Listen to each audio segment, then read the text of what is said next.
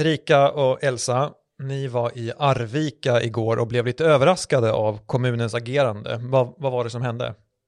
Vi gick in till expeditionen i stadshuset egentligen bara för att förvarna om att vi skulle komma och lämna in en, eh, lite papper och ett anspråk och att vi skulle följas av lite media. Eh, och då så kände personen som stod i expeditionen att hon inte ville ta emot papperna utan hon ville att det skulle göras på ett korrekt sätt och att en ansvarig person skulle ta emot kravet.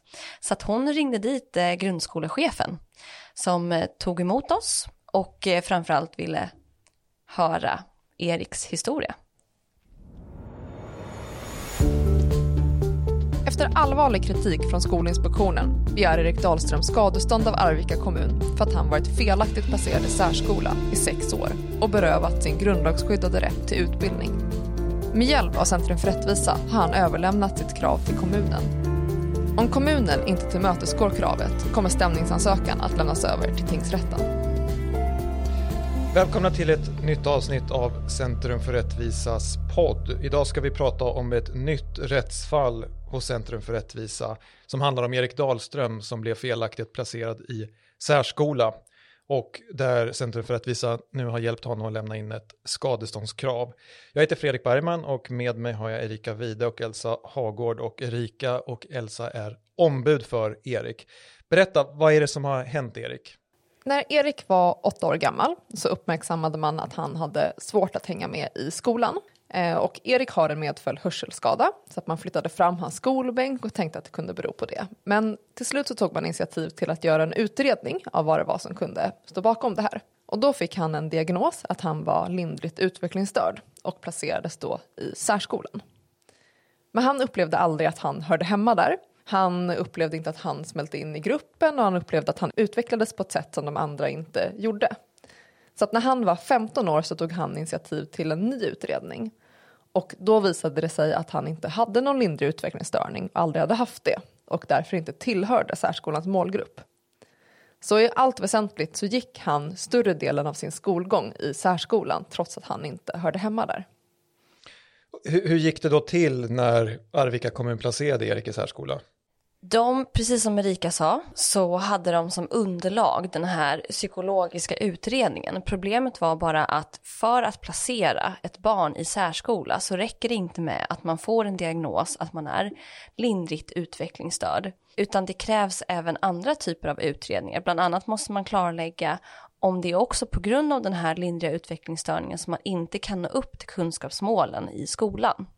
Man kan helt enkelt konstatera att kommunen fattade beslutet på ett bristfälligt underlag. Två av fyra utredningar antingen saknades eller var bristfälliga.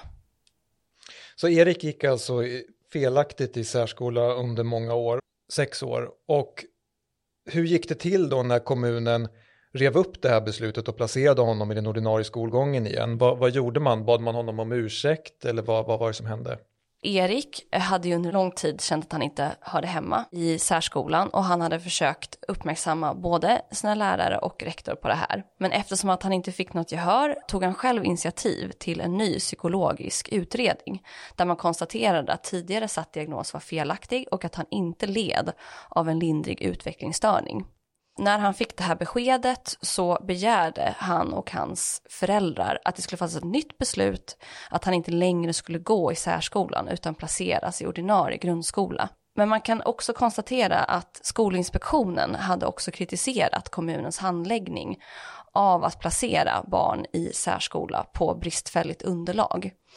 Så att eh, i den här Skolinspektionens rapport så hade man också sagt att det hade förekommit brister i Eriks fall och att de behövde komplettera ärendet med nya utredningar och därefter fatta ett nytt beslut. Men nu kan man väl säga att Erik hann före genom att initiera den här nya psykologiska utredningen. Mm. Vilka konsekvenser har det fått för Erik att han felaktigt placerades i särskola? Det har ju påverkat hela hans liv såklart.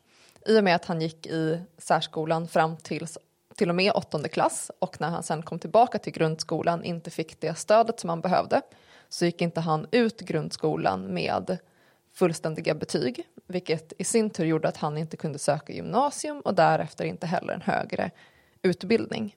Så som Erik har beskrivit det för oss så han har alltid undrat hur hans liv hade sett ut om han hade fått den skolgången som han hade rätt till. Mm. Vad gör Erik idag? Erik är busschaufför. Efter att han gick ut grundskolan så ansökte han om praktik på olika verkstäder och liknande och utbildade sig sen till eh, busschaufför.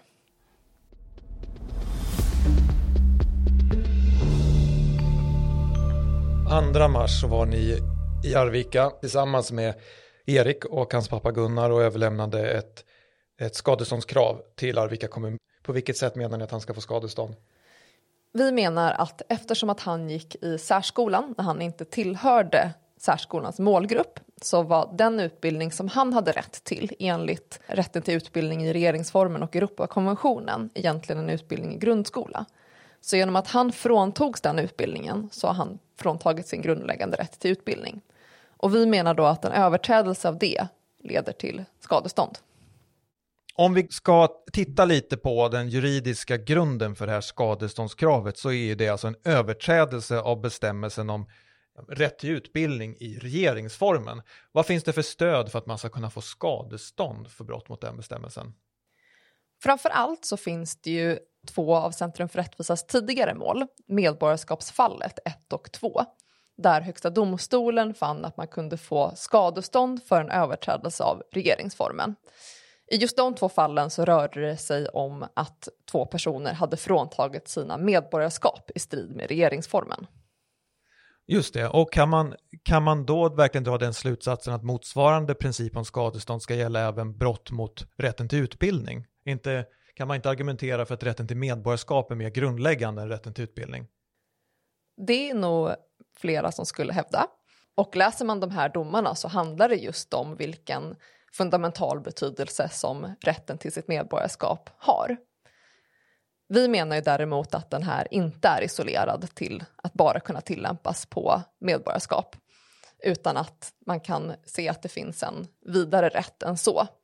Och det har framförallt att göra med att man har länge haft en syn på regeringsformens rättigheter som att de bara är en instruktion för lagstiftaren att när ni stiftar lagar så får ni inte stifta lagar som går emot de här rättigheterna.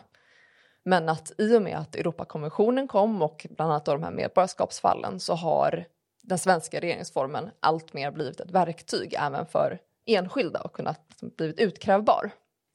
Men finns det någonting som talar då för att just rätten till utbildning ska kunna vara att säga, juridiskt genomdrivbar med skadestånd? Det finns två huvudsakliga skäl till det. Det ena är att det kom en grundlagsskadeståndsutredning förra året där man sa att det här är en generell rätt och att man ska införa en bestämmelse i skadeståndslagen som ger en rätt till att kunna kräva ideellt skadestånd vid grundlagsöverträdelser. Det andra är då att när man införde rätten till utbildning i regeringsformen så skrev man uttryckligen i förarbeten att den här rättigheten förutsätts kunna göras gällande juridiskt. Och i utformningen av den så gjorde man vissa överväganden för att den skulle kunna lättare göras gällande.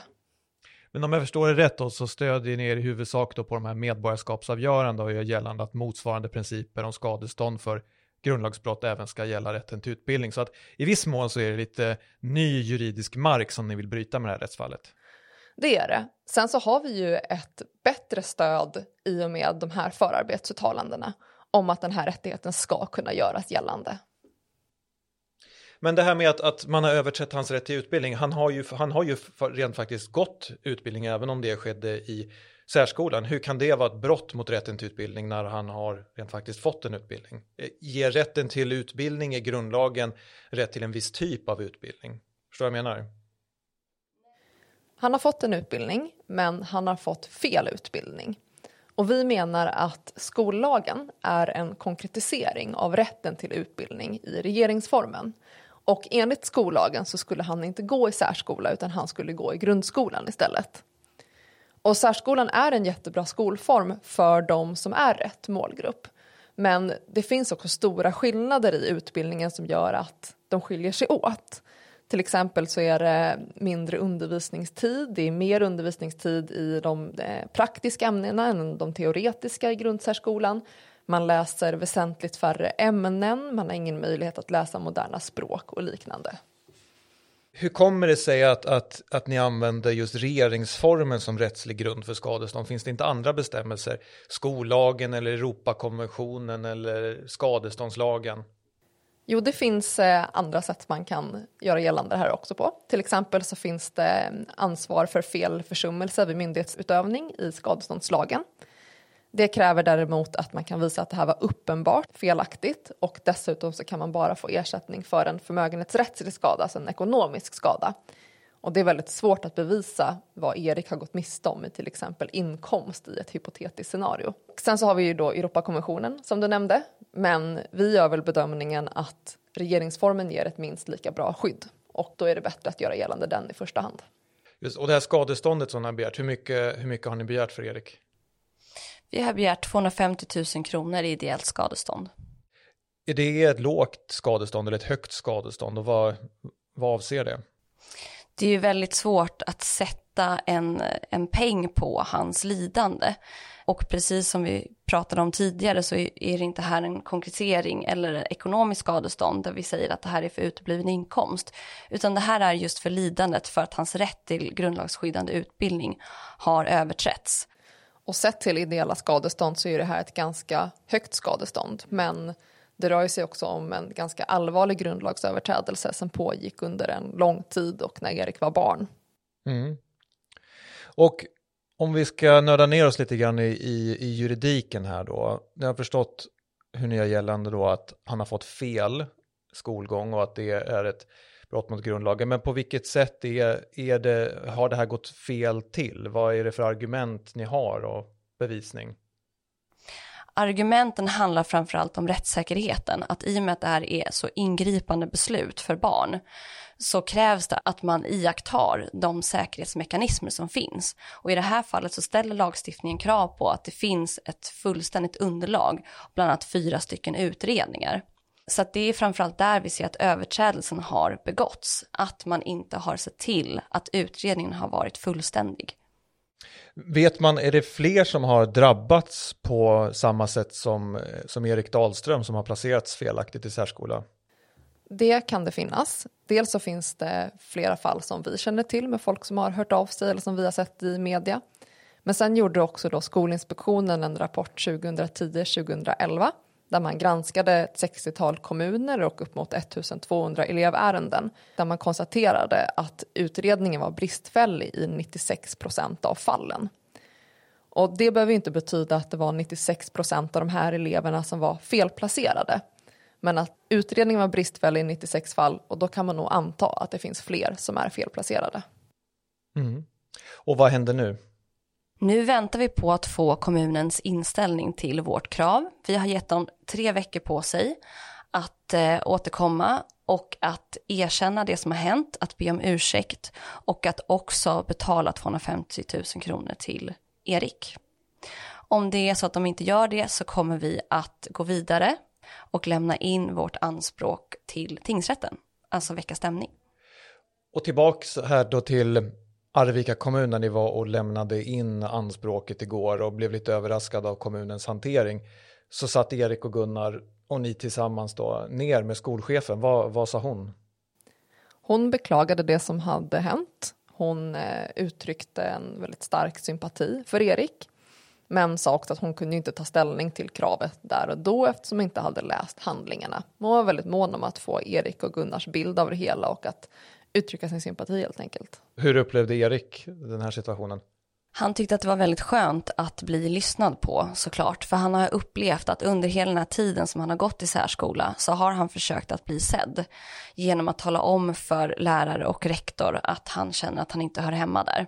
Så att, att han får någon då som är ansvarig, som tittar på honom och lyssnar på honom och beklagar det som har hänt, eh, kändes såklart väldigt, väldigt skönt för Erik. Och Erik är också väldigt mån om att det här inte ska drabba andra, att han känner att han driver det här ärendet mycket för andras skull också. Och då tyckte han också att det var väldigt skönt att grundskolechefen betonade att de är mycket, mycket mer noga med att eh, fullständiga utredningar föreligger när man placerar barn i särskola idag. Mm.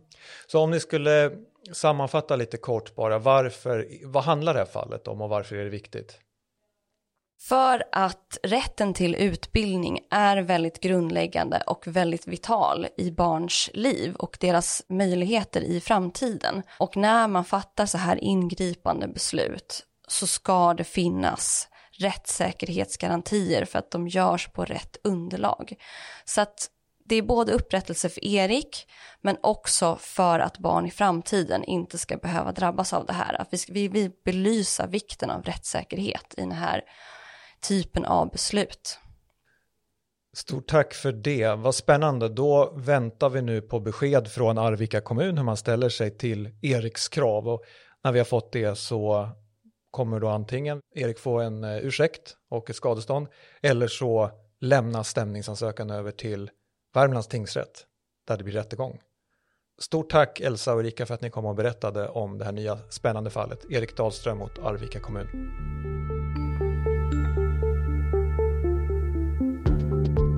Du har lyssnat på Centrum för rättvisas podd. Musik Adam Nordén. Klipp Violetta Bukera.